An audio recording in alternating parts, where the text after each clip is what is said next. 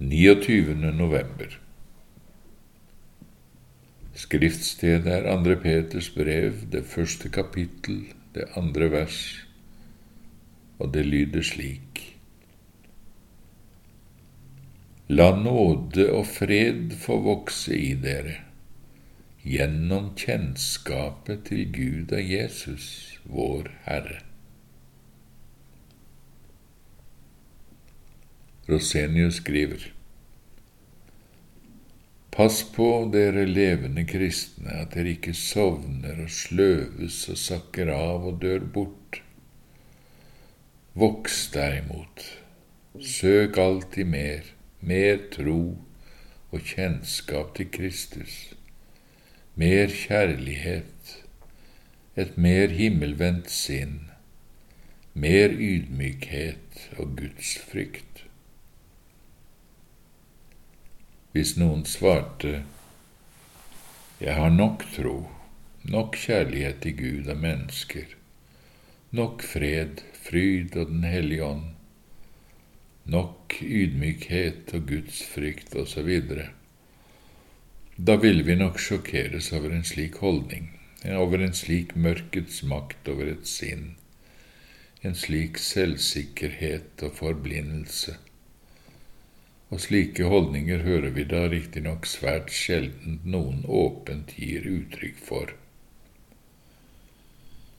Men når en kristen likevel aldri har noen trang til at det må skje noen vekst på disse områdene, så er det likevel all grunn til å frykte for at han med hele sin sjel egentlig sier akkurat det samme.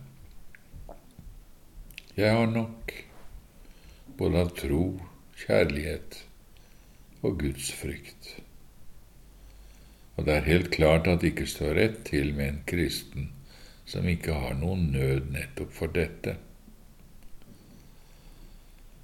Spørsmålet om å vokse i nåden er nettopp noe av det som prøver og avdekker vår åndelige tilstand, uten at vi er klar over det. Noen føler et stikk i hjertet når dette emnet bringes på bane. Og hvordan står det nå det til med meg når det gjelder å vokse i nåden, sukker de. Nei, det går vel heller tilbake med meg. Andre igjen leser ord om å vokse i nåden med stor ro. De studerer og forsker på det, men overlater til andre å ta det til hjertet og her må vi gi Luther rett når han sier 'den som burde frykte, frykter ikke', mens de som ikke burde frykte, de frykter. Der er et bedrag, en mørkets makt som bedøver sjelen, som gjør den sterk og modig, selvsikker og forherdet, så den ikke reagerer på noe, frykter ingenting, tar ikke noe til seg. Den bare tenker, forstår, taler. Dette bedraget skulle vel ikke være begynt hos deg? Du som er en kristen, du hører Herren Kristus selv rope ut, La den rettferdige bli enda mer rettferdig, og la den hellige bli enda mer hellig men den som er ond, fremdeles være ond. Men det uroer deg ikke. Du vet med deg selv at du i dagens løp ikke har nød for noen vekst i nåden, og at Kristi egne alvorlige formaninger heller ikke vekker opp hjertet ditt. Er ikke hjertet ditt da allerede blitt bedradd? Og hvorfor tror du ikke det står slik til med deg? Hvorfor skulle akkurat du ha gått fri for alt bedraget fra mørkets makt? Har kanskje djevelen ikke lenger noen onde hensikter med deg? Er han plutselig blitt god, eller er han død? Tenk hva det betyr når Kristi egne og så alvorlige ord ikke vekker deg rette kristne som ikke har sovnet helt, har ofte dette som sin største bekymring, at de ikke finner noen åndelig vekst hos seg selv. Og det viser at de har ennå Herrens frykt og ånd i hjertet, at de blir ennå ledet av Ham, og da er det alltid hjelp å få i alle ting. Luther sier at troen i hjertet aldri er stille. Enten tiltar den, eller den avtar. Og der det ikke skjer, der er det ingen levende tro, bare en død innbilning i hjertet om Gud. Dette gjelder hele nådelivet i hjertet, troen, kjærligheten, gudsfrykten, og det er en sann og tankevekkende bemerkning. Det er et karakteristisk kjennetegn på den hagen som den himmelske Far har plantet, at den er avhengig av åndelig stell og næring, og derfor av og til forfriskes og vokser, og av og til stagnerer eller falmer.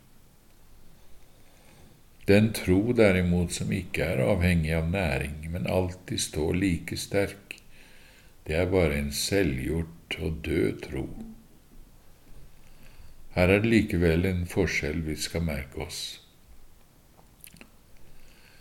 Den allmenne, selvsikre troen har det markerte tegnet at den ikke bare lever like godt uten noen som helst åndelig næring, den trives i grunnen aller best når ikke noe Guds ord kommer for nære innpå. Den uroes og forstyrres derimot gjennom Guds ord. Men de mer finere gjerningskristne ligner de kristne på det punkt at deres tro og fred også bygger på et avhengighetsforhold og kan svinge. De lever ikke på et avhengighetsforhold til åndelig næring, men til sin egen kristelige, mer eller mindre bevisste åndelige selvtilfredsstillelse. Har de for eksempel forsømt sin daglige bibellesning, bønn og lignende, eller det kommer en eller annen rift i deres kristelighetsdrakt, da har de ikke den samme freden lenger og den kan de da bare rette opp igjen ved å gjenoppta sine selvvalgte andaktsstunder.